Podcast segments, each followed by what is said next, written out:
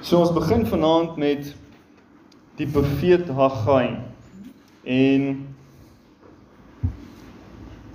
my begeerte is om 'n 'n oorsig te gee. So ek het dit maar genoem 'n inleiding. En ons gaan begin met 'n agtergrond. Want ons het nou laasweek geëindig met Joël en Joël was 'n profeet voor die ballingskap.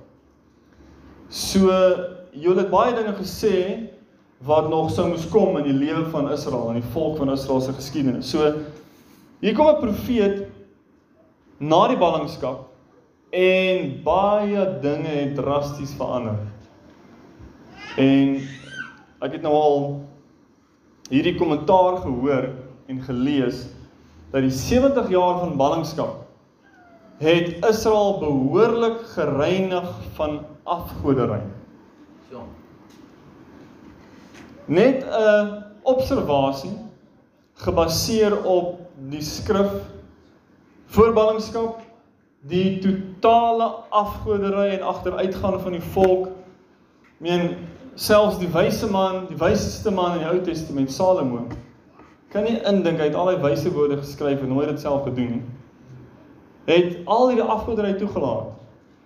En dan gaan kyk jy net met die tyd van Zerubabel, die tyd van Sagaria, die tyd van hierdie mense wat ons nou van gaan praat, die tyd van die profeet Haggai, die tyd van die herbou van die tweede tempel, oploop na Ezra en Nehemia, oploop na Maleagi, daai 500 plus jaar wat die tweede tempel gestaan het, was daar nooit weer afgodsbeelde opgerig nie. Nie deur Israel, nie deur die huis van Juda nie nooit.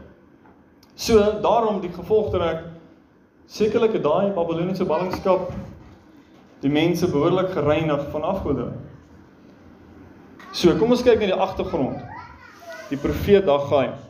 So, hier onderaan gaan julle sien het ek uh tot die beste van my vermoë met my grafiese ontwerps vaardighede probeer 'n uh, 'n tydlyn skets vanaf die profeet Jeremia 627 voor Christus tot en met 515 voor Christus toe die tempel herbou was. En die idee met dit met hierdie is ons gaan nou 'n uh, 'n arendse perspektief vat. Ons gaan ver opgaan in 'n tyd en ons gaan probeer al hierdie dinge van bo af sien in 'n tydlyn net om perspektief te kry wie was waar, wat was die omstandighede sodat ons kan voel wat Haggai gesê het. As ons sien daai agtergrondskets en daai geskiedenis nie dan ek dink gaan die boodskap nie so 'n uh, impak maak nie. So Jeremia 627 voor Christus tot 586 voor Christus. Dis sy bedieningstyd, nie net sy leeftyd nie, sy bedieningstyd. Nou gaan ons kyk Julle geweet Jeremia en Daniël en Esegiel het almal in dieselfde tyd geleef. Jeremia was die die ouer profeet leier. Jeremia se bediening het begin onder koning Josia se heerskappy. Josia was 8 jaar oud toe hy koning geword het. Ja. En hy het uit magtige kan ek sê ehm uh, wat is die mooi Afrikaanse woord? Hervorminge. Wat is die mooi woord? Of Engels wil sê die reformation. Hy het 'n reformation begin in Israel. 'n Terugkeer. Die afgoderye en die tempels het goed afgebreek, het skoongemaak en die altars en Josia se leierskap as koning was gerigsteen deur Jeremia se profesie. So albei was jonk en albei was besig om die volk terug te lei na die Here toe. Nou Jeremia hier by 627 voor Christus profeteer soos 'n Joël van die ballingskap wat kom. En hy sê moenie Babylon en Nebukadneser te staan nie, gaan saam met hulle in ballingskap. Gaan moenie weier nie. En die mense luister nie. 606 voor Christus is die eerste aanval. Jy kan dit gaan lees in 2 Kronieke 36. 2 Kronieke 36 gee vir ons die konings wat geregeer het toe Nebukadneser kom aanval het. Jehoiakim was die koning by 606 voor Christus Nebukadneser kom en beleer Jerusalem vir 30 maande. Kan jy dit indink?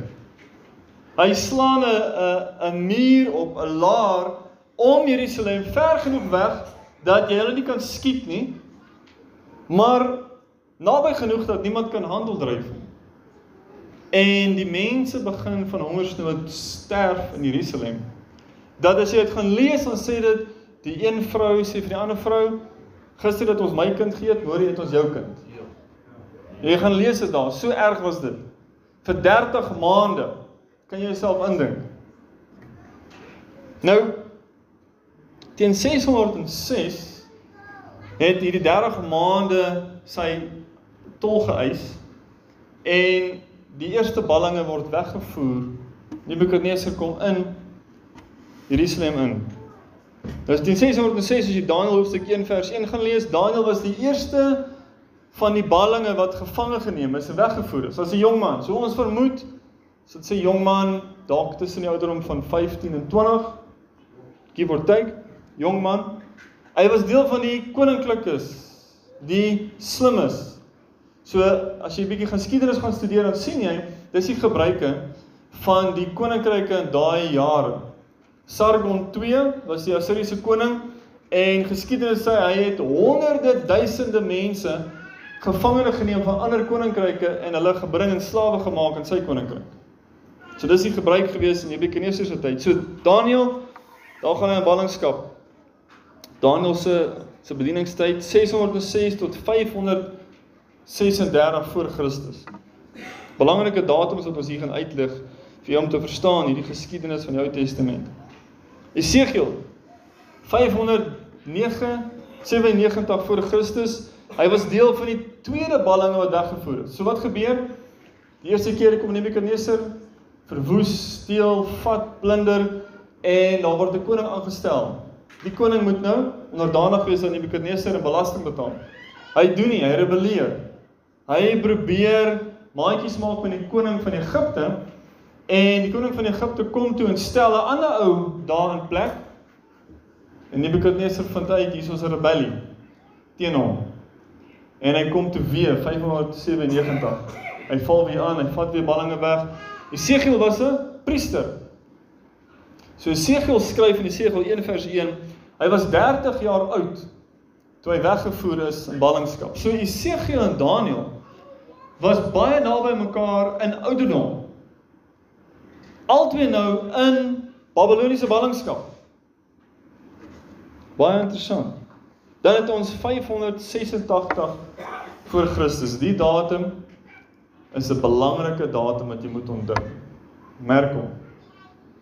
Die 9de van die 4de maand op die Hebreëse kalender is die dag toe die tweede tempel verwoes was.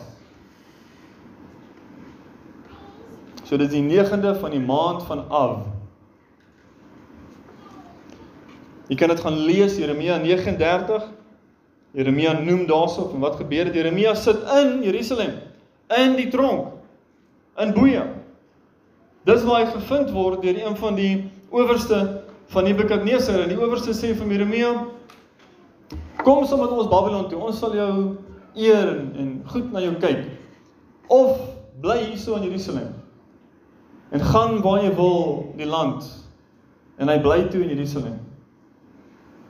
586 Jesegiel 24 van vers 15 tot 27 Jesegiel sit in ballingskap teen hierdie tyd omtrent 10 jaar in Babelonie teen die Kebar rivier sê hy En die Here kom en hy sê vir Jesegiel, Jesegiel, ek gaan jou 'n uitbeelding maak van my hart.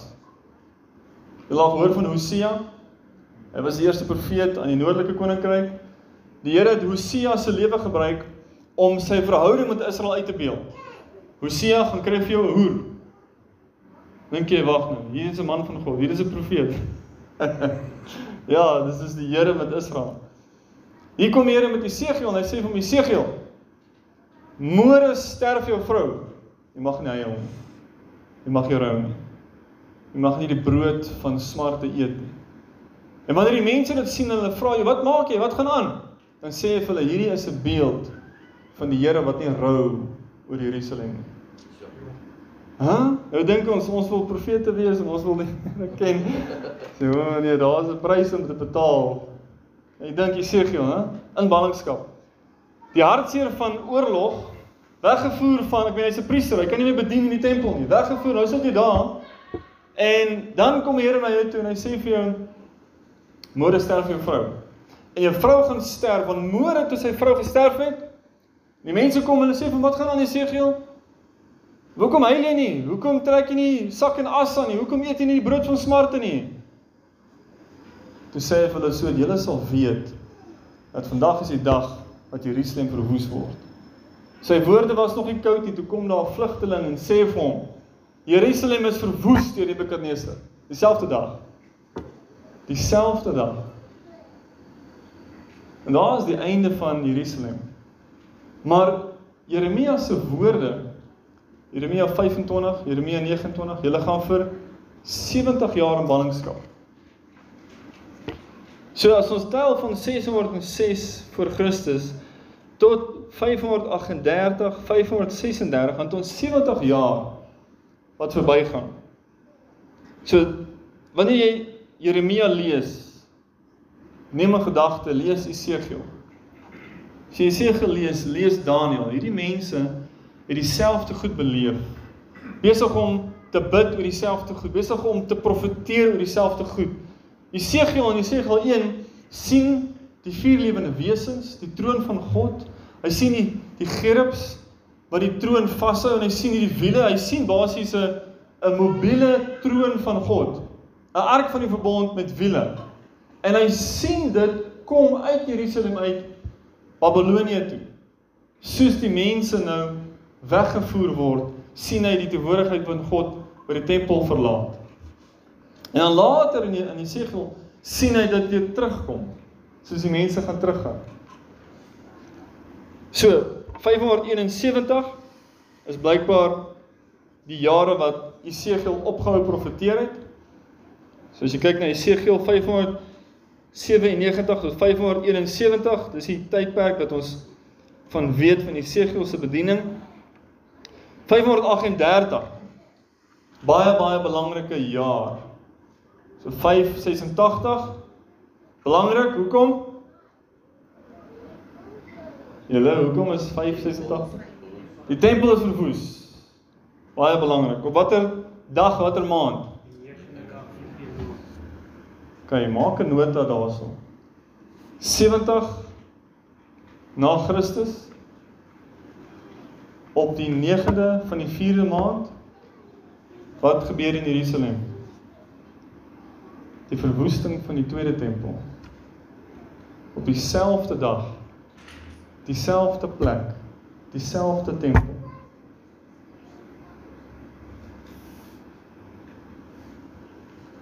As jy 2 Kronieke 36 gaan lees, die laaste stukkie, vers 24, 25 dan lees ons van die eerste jaar van Kores, koning van Persië. En wat doen Kores? Persië het Babelonie ingeval en oorgeneem. En koning Kores het 'n ander beleid gehad oor hoe hy maak met ballinge. Hy het 'n bietjie van 'n godsdienstige vryheid, kan ek sê, beleid gehad. Hy het toegelaat dat die dat die mense kan teruggaan na hulle lande toe en hulle tempels herbou vir hulle gode. En dan lees jy daar, hy het hierdie beleid gemaak dat almal van Israel wat in sy koninkryk is, kan teruggaan in die huis van die Here gaan bou en hy sal dit befonds. So wat gebeur 538? Ons sê 2 Kronieke 36 en wat is die volgende boek na 2 Kronieke? Ezra. En daar's 'n rede daarvoor, want Ezra tel dieselfde gedagte op in hoofstuk 1. En hy noem daar in die eerste jaar van Kores, koning van Persië, was hierdie beleid gegee, hierdie opdrag gegee. Maar die persoon wat daar skryf is nie Ezra, die persoon wat ons van weet, die priester nie. Die persoon wat daar skryf is iemand wat die storie vertel van Ezra en Nehemia. Want Ezra verskyn eers op die toneel 'n 50 jaar later. As jy hierso volg, So Ezra en Nehemia, julle kan 'n nota maak daarso. Daai twee boeke is eintlik in die Hebreëus een boek, was eintlik een manuskrip gewees. En die eerste 6 hoofstukke van Ezra gebeur in 'n 2 jaar tydperk tussen 538 en 536. En daai eerste 6 hoofstukke praat van die eerste mense wat teruggekeer het. En saam met hierdie eerste mense wat teruggekeer het, was Zerubabel, die goewerneur, die seun van Sealtiel, Jehoshua, die hoofpriester, Sagaria was vermoedelik 'n jong profeet en Haggai volgens tradisie was 'n ouer profeet. Daai was die geestelike leiers wat almal terugkom uit Babylon uit om die tempel te herbou. Dan lees jy in Ezra hoofstuk 1 tot 6 hoe hulle teruggekom het en hulle gee 'n oh, lang geslag en gister en luister vir al die mense in hierdie se baan se pa en se kind en dis die vervelige stukkie soms. Maar plus minus 45000 mense wat terugkom en herbou die tempel. En hulle het die tempel begin herbou en dis daar 'n paar mense wat nie so gelukkig is met hierdie Jode wat nou die tempel herbou nie. En dan lees jy van hierdie konflik en hierdie teestand hoe daar 'n goewerneur was van die Wes Eufratie Tatenai wat 'n brief skryf skryf en hy sê vir die koning van Persië nee nee nee hier is moeilikheid. Hierdie mense maak moeilikheid. En hoe daai koning kom en hy sê toe nee wag, as daar probleme daar is, sê vir hulle om te stop om die tempel te herbou.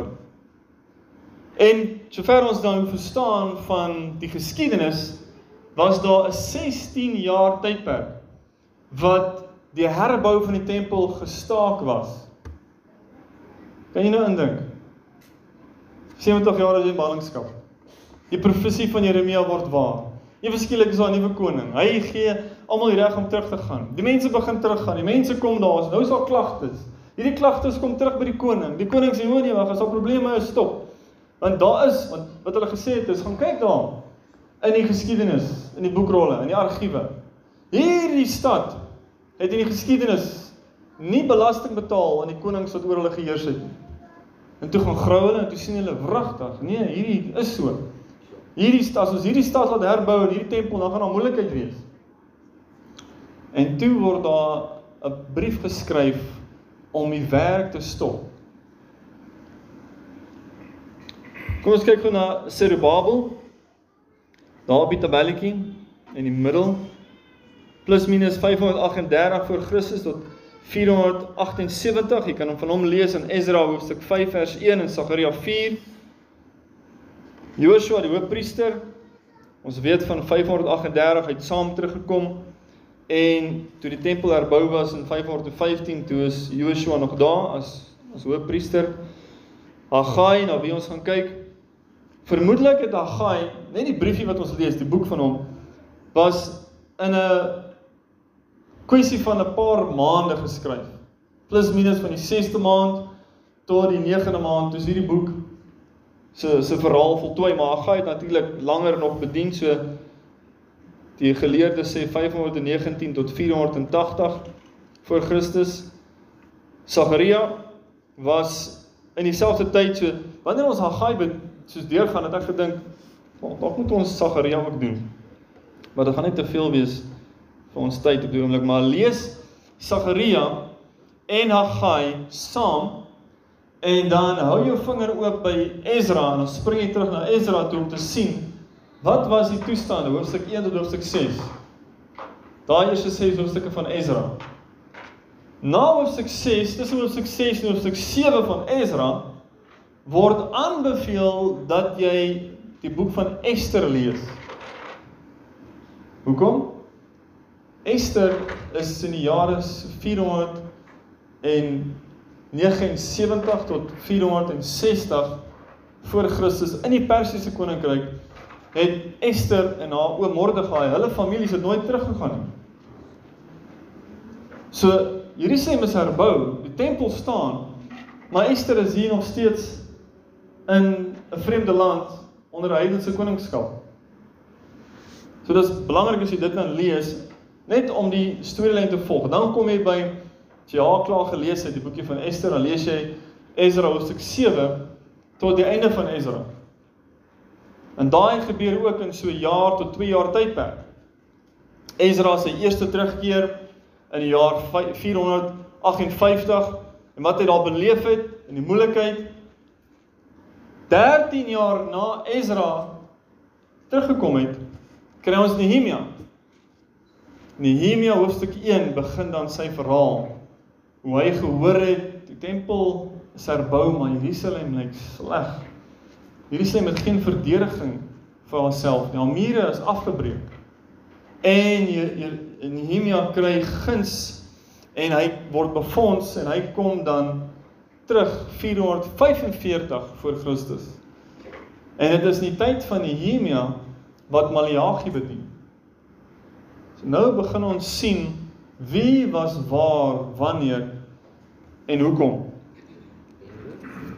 Kan jy net duidelikheid gee oor wat se ryk was die Babiloniërs, wat is die Assiriërs? Want baie keer praat jy van die een en dan dalk die ander een nou te ou. Net duidelik onder wat se ryk het Ester geval of so nou net die teken het. OK. So ons het heel eerste as ons Daniël 2 gaan lees en Daniël 7 het ons Babilonië gehad. Hulle het kom ons gaan kom ons gaan voor hulle. 'n bietjie voor Daniël. In 722 voor Christus het die Assiriërs gekom. Sargon II was die koning van Assirië in daai tyd en hy het 'n weermag gestuur om die noordelike stamme aan te val en hulle in ballingskap te vat. Dis nou waartoe Jona gestuur is. Jona is gestuur na Ninive toe. Ninive was die hoofstad van Assirië. Assirië is noord kan sê in vandag se noordwes Irak. En na Assirië kom die koninkryk van Babylon uit suid oos Irak in die area van Iran. Daai area uit kom Babilonië. Hulle mag begin groei en hulle val toe die koninkryk wat naaste aan hulle is wat die grootste is, Assirië. Hulle val Ninive aan, hulle val Assirië aan en hulle verwoes toe daai koninkryk en hulle begin die mag kry. En toe kom hulle en hulle val Juda aan. So Assirië die noordelike stamme 722 voor Christus 701 voor Christus het Assirië probeer Jerusalem aanval. Dis Jesaja 30 2 Konings 18 2 Konings 19 die storie van Hizkia en Jesaja en hoe die Here in een aand 'n engel stuur 185000 wat hy verwoes het toe. So daai is Assirië wat toe pak slag gekry het en toe nooit weer teruggekom het nie. En toe kry ons Nebukadneser. Hy kom 606, hy val aan. 597 hy val aan en 586 verwoes hy die tempel en verwoes Jerusalem en die mense gaan in ballingskap. Wie het gekom na Babilonië? Wie? Persië. Ons lees van die Medo-Persians, die die Mede en die Persië. Hulle was saam, hulle het saam gesmelt as een koninkryk. Die Mede was in die noorde en die Perse in die suide, as ek dit nou reg onthou. En hulle koning was Kores die Grote in die begin van hulle heerskappy. En Kores en na Kores was daar Darius en na Darius was daar Ahash Ahashveros, as ek hom nou reg uitspreek.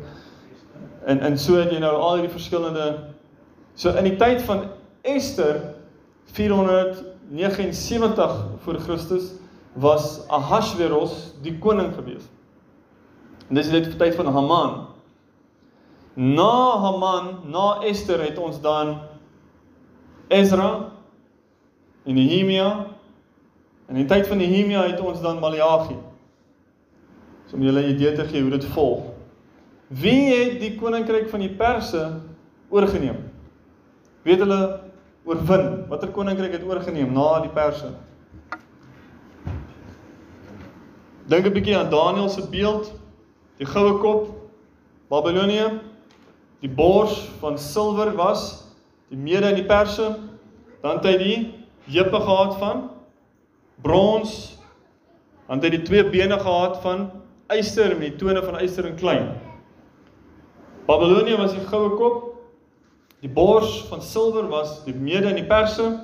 Die heupe van brons was Grieke. En die voete van yster en klei of die die bene van yster en die voete van yster en klei was die Rome. So daai is die vier koninkryke wat so gevolg het en hartseer genoeg baie geleerdes wat sekulêr is en en baie liberalisties is, hulle sê Daniël se profeseë is eintlik nie profeseë nie. Dit is eintlik hier in die jaar 200 voor Christus geskryf want dit kan nie profesie wees nie want dit is te akkuraat. Want Daniël sê in Daniël 10, nie Daniël die die engel kom, engel Gabriël, hy verskyn aan Daniël. Hy sê vir Daniël presies wat gaan gebeur met die Mede en die Perse? Hulle gaan oorwin word deur die Grieke. 'n Jong Griekse leier wat in 'n kort tydjie vinnig die die hele hele koninkryk gaan verower aan Alexander die Grote. In 16 jaar verower hy die bekende wêreld. Ja. Sonder vliegtye. en tanks. Met perde en op voet. En hy sterf van dronkenskap en vier vier uh, uh, uh generale neem oor presies hoe die engel gesê het vir Daniël wat gaan gebeur. En dan die interpolitiese konflik in die koninkryk tussen die Seleucids en die Ptolemies en hoe dit dat uiteindig met die tweede tempel wat verwoes word en die anti-kris en alles daar in Daniël hoofstuk 10 vers 12 tot So ek het daai ingesit vir julle. Hier by 538 en 536 Daniël hoor dat die mense het teruggegaan. En dat Jerusalem lyk verskriklik. En hy treur, Daniël hoofstuk 10. Sê hoe kan dit wees? Hoe het hierdie dinge en en hy wil verstaan wat sy plan van God want Jeremia het so gesê. En hy bid oor Jeremia se goed. En hy bid oor hierdie hierdie nuus wat hy hoor. En hy kry dan die belangrikste 3 hoofstukke openbaring van Gabriël af oor hoe dinge gaan gebeur met die mense van God. So as jy net 'n datum wil aan dit wil koppel 538 tot 536, dis die tydperk toe Daniël hierdie gebede gebid het en hierdie vraag gevra het. Ja. Dan word Hagai is in die tyd van die Medo-Perse of Darius of is ja. Ja. Want Daniël het ons nou die visioen gesien terwyl hy daar was dat hier gaan 'n koning vanaand kom en jou aanval en dis die So so Daniël het deur drie konings deur die koninkryk gegaan van van Babylon met verskillende konings aan die koninkryk deur die Mede en Perse en hy het gesterf voor die Grieke oorgeneem het. So in die tyd van 538 In die tyd van Daniël se se gebed is dit dieselfde tyd dat Zerubbabel, Joshua, Haggai en Sagaria teruggaan Jerusalem toe. So die herbou van die tempel in Jerusalem gebeur in dieselfde tyd toe Daniël hierdie openbaringe kry. So een persoon wat bid. Ja. En die Here se aangesig soek. So 'n groot impak kan hê in die geskiedenis. Nou ek het net hierso in die paragrawe wat onder die tabel is bietjie verduidelik van wat aangaan. Kom ons lees die laaste paragraaf van die agtergrond. So die oorblyfsel van die volk kom terug uit ballingskap. Seer en verneder. Hulle moet nou die tempel in Jerusalem herbou, maar in moeilike omstandighede met vyande wat hulle teestaan. So dis waar ons is vandag by die kerk. Die kerk in 'n groter mate is in ballingskap van die wêreld. Wat bedoel ek? Die heerlikheid van die Here het die kerk verlaat in 'n groter mate. As ons Handelinge lees en ons kyk waar ons nou is, dan sien ons so 'n heerlikheid van die Here daar in Handelinge. En as ons daai heerlikheid vergelyk met die kerk wêreldwyd dan sê ons in 'n groot mate Ikabod. Die Here se heerlikheid is nie soos wat dit moet wees onder die mense van God nie. So ons is in 'n in 'n ooreenstemmende tyd waar ons seer en vernedering het omdat dit nie is soos wat dit moet wees nie. Die getuienis van die kerk in die oë van die wêreld is soos Jerusalem en die tempel wat afgebreek is. Hulle spot en sê waar is julle God? Ek sê dit vir die vir die manne gisteroggend met die gebed. Die wêreld is honger vir Jesus. En dan gee ons as die kerk te dikwels vir hulle kerk en nie Jesus nie. En dan kom hulle honger soekende en dan uh, en dan praat met 'n met 'n man hierdie week en hy sê ons ja, gaan kerk toe want ek soek die teenwoordigheid van God en dan kry ek 'n program, na die program 'n fondsinsameling, na die fondsinsameling, programme vir die jeug en dan na die programme vir die jeug, programme vir die volwassenes en dan gaan almal huis toe. Sê maar dan kry ek nie So dis hierdie tempel, dis hierdie hierdie huis van God wat afgebreek is, hierdie mense van God. Die Here stuur profete om die volk te vermaan om nie fokus te verloor nie en om hulle te bemoedig om hom te dien en dat die Here steeds 'n goeie plan het en dat sy beloftes van restaurasie steeds staan. Die mense kom terug. Jeremia is 'n ware profeet. Hy het gesê ons sal terugkom. Jesaja 'n ware profeet. Het gesê ons sal ons sal ballingskap gaan. Hy het gesê ons sal terugkom. Maar hulle het gesê ons sal terugkom in die heerlikheid van die Here, gaan saam met ons terugkom. En nou soek almal, waar is die heerlikheid van die Here? En die tempel word gebou en en almal soos maar nou die jong mense wat nooit die vorige heerlikheid geken het nie. Hulle sing en dans, sê Ezra. Die ou mense wat Salomo se heerlikheid in sy tempel gesien het, treur en huil en die mense kon nie onderskei tref tussen hulle wat huil en hulle wat lag en dans nie. Ja. Hæ? Huh? Dan praat jy met iemand, ek ken 'n oomie, oom Willie. Lieflike man van God. Dan vertel hy van herlewings wat hy beleef het. Kom ons gebruik 'n ander woord. Uitstortings van God se krag en sy gees, ontmoetings wat hy beleef het in die tentkerk wat 1000 mense kan sit wat hulle deur die land gereis het. Hoe hy sê ons het gevas en gebid vir 'n ontmoeting van God en toe dit kom, toe het ons nie geweet wat gebeur nie. Hy sê daar huil mense. Hy sê daar lag mense. Hy sê daar kom mense tot bekering. Hy sê daar word mense genees. Hy sê hier val mense hierson en daar lê mense daar en hy sê hierdie mense lê en hulle is uitgepaas vir ure en hierdie mense en toe die mense bymekaar kom uiteindelik 2 uur 3 die oggend toe was hierdie in die hemel toe gewees vir 3 ure. En daai net die hel gesien. En daai net die laaste nagmaal gesien. En dene is genees en daai is bevry en daai oomie sal huil by 'n byeenkoms waar sommige mense hoendervleis kry en hulle lag en hulle sê dis Heilige Gees en dis herlewing en dan sal hy huil want hy weet wat hy al beleef het. Jy sien dis dis waar ons hier staan vandag. Die wat die heerlikheid al beleef het, het gehuil toe hierdie ander mense lag want nou sien hulle 'n gebou, nou kan hulle ten minste hierso offer, maar die ander het die Here se teenwoordigheid in die gebou geken. Maar hulle wat dit nie geken het nie, het nie 'n raamwerk nie. So dis die struktuur. Kom ek sê dis die agtergrond van Haggai in die tweede tempel. Die bittersoet van die geleentheid om te herbou. Maar wat sien ons? Waar verbou ons? Wat verwag ons? Ons soek hierdie heerlikheid van die Here. Maar wat is ons raamwerk van hoe gaan hierdie heerlikheid van die Here lyk? Wat se verwagting het ons? Het ons 'n uh, 'n uh, hoendervleis verwagting? En en dis dit. Nou sê ek bevredig. Nou klap ons hande en daar's 'n wind wat gewaai het hier en almal is ooh. Nee, ons soek nie sensasie nie. Ons soek die teenwoordigheid. Nee? Maar ons moet ook nederig genoeg wees om te sê ons weet nie wat sal gebeur as die Here regtig opdaag. Kom ons kyk na punt 2.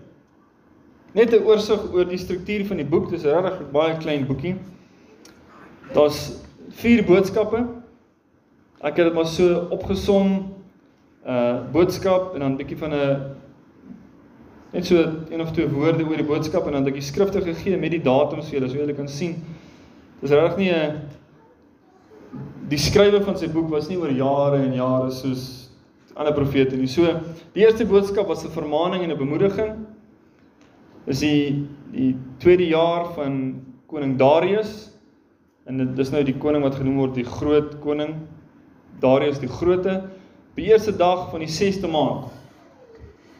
So die die maande wat hy gee is die maande van die Bybelse kalender.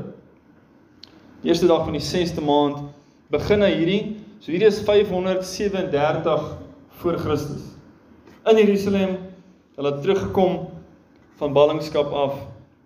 En dan lees jy daai stukke in Ezra, wat is nou die moeilikheid wat hulle beleef? Hoekom kom die profeet, wat kom sê hy? Tweede boodskap is 'n bemoediging deur profesie. So dis baie soortgelyk soos die eerste boodskap. Haggai 2 vers 1 tot 9 is op die 21ste dag van die 7de maand. Wat gebeur op die 21ste dag van die 7de maand in die Bybel?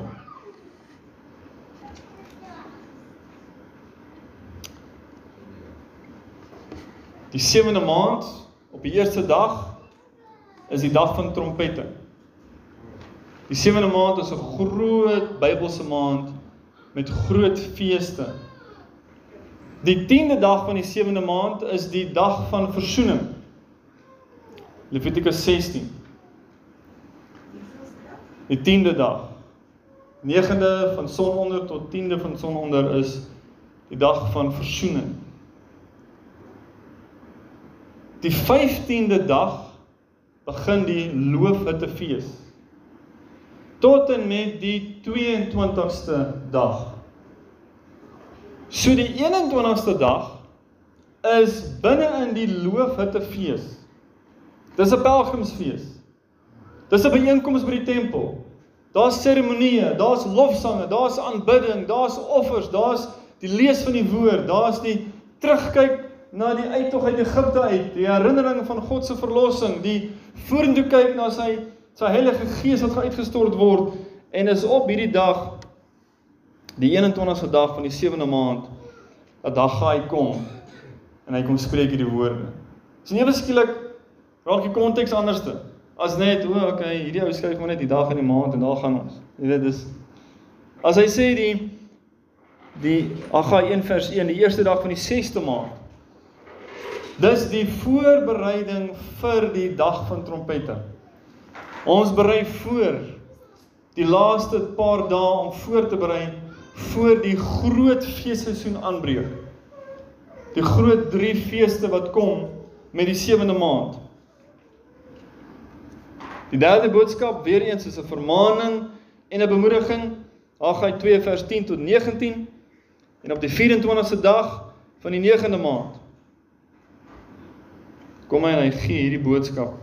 Die vierde boodskap is 'n bemoediging vir Zerubbabel spesifiek vir hom as 'n leier.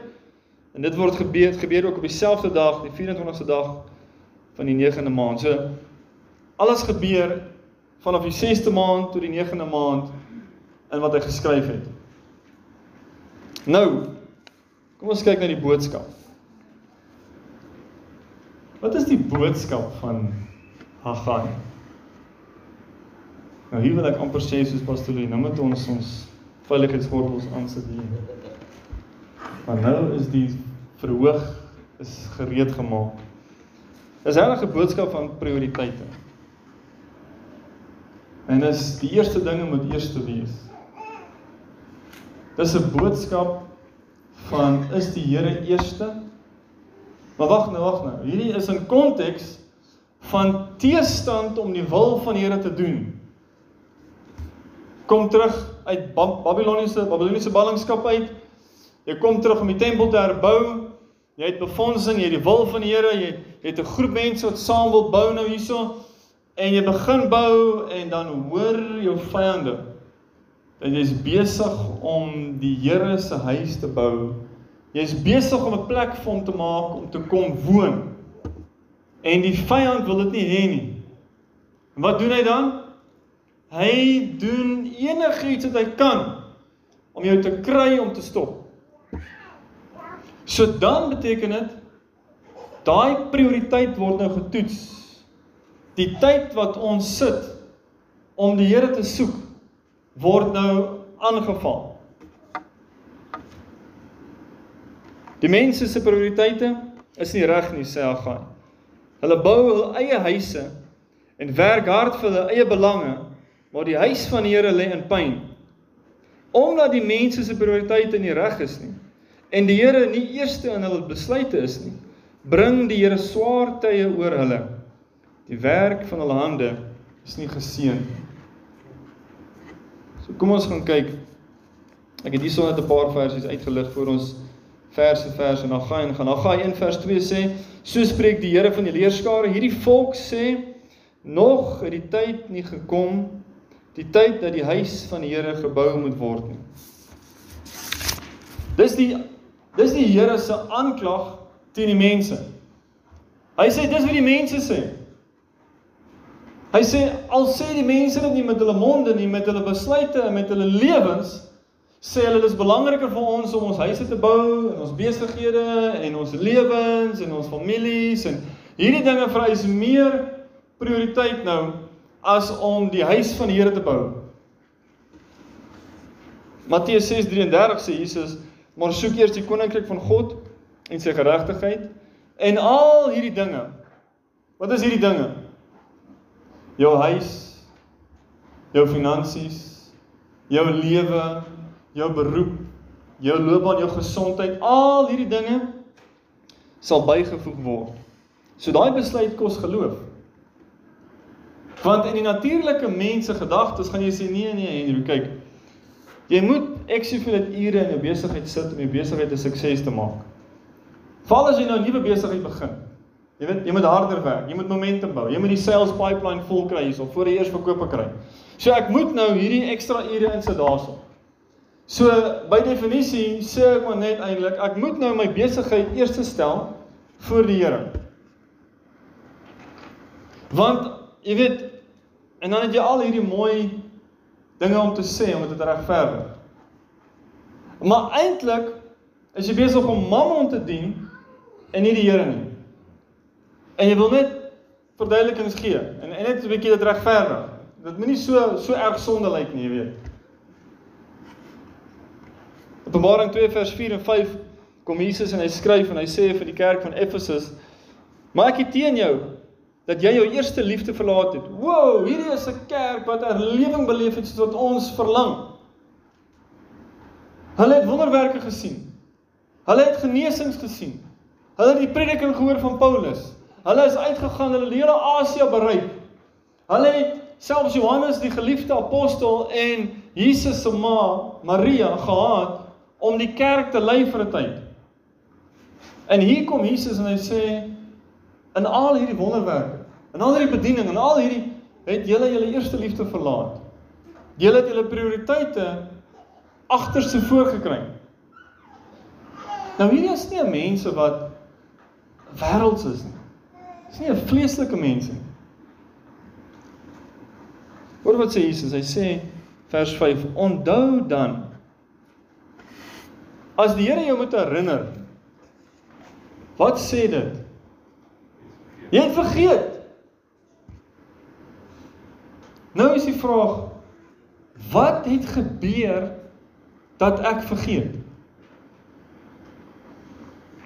Het ek gewoond geraak? Het ek gefassineerd geraak met iets anderste dat ek vergeet het en ek het nie eers besef ek vergeet nie tot ek lank genoeg vergeet het dat die Here my moet kom berusp. Hy sê onthou dan waarvandaan jy uitgeval het. Om te vergeet lei na gevallenheid toe. En bekeer jou en doen die eerste werke. Selfs gelowiges het nodig om te bekeer. Wat is dit? Om daai prioriteit reg te stel. En dan gee die Here jou, hy waarsku jou, dan gee jou tyd om dit reg te stel. En dan as jy nie kom regstel nie en nie die eerste dinge doen nie, dan sê hy wat? Anders kom ek gou na jou toe en sal jou kandelaar van sy plek verwyder as jy jou nie bekeer nie. Daai is 'n gevaarlike waarskuwing. Ek sal my salwing, my teenwoordigheid wegvat. En jy gaan aangaan met die bediening. Die wonderwerke, die tekens, die evangelie. Maar wanneer jy voor my gaan staan, wees versigtig dat Matteus 7 nie die woorde is wat Jesus dan vir jou sê nie. Nee maar Here, ons het geprofeteer in die naam. Ons het duiwels uitgedryf. Ons het die siekes genees en dan gaan Jesus sê gaan weg van my ek ken jou nie. Sê nee maar ons het in die naam al hierdie goeders gedoen. Sê maar ek het jou kom waarsku. Jy raak behep met die krag en die wonders en nie met my nie. Daai is my soos ja, daai is soos kyk. Kom ons vat 'n 'n 5 minute breek. Voor ons hierso, ek sien dis nou 5 voor.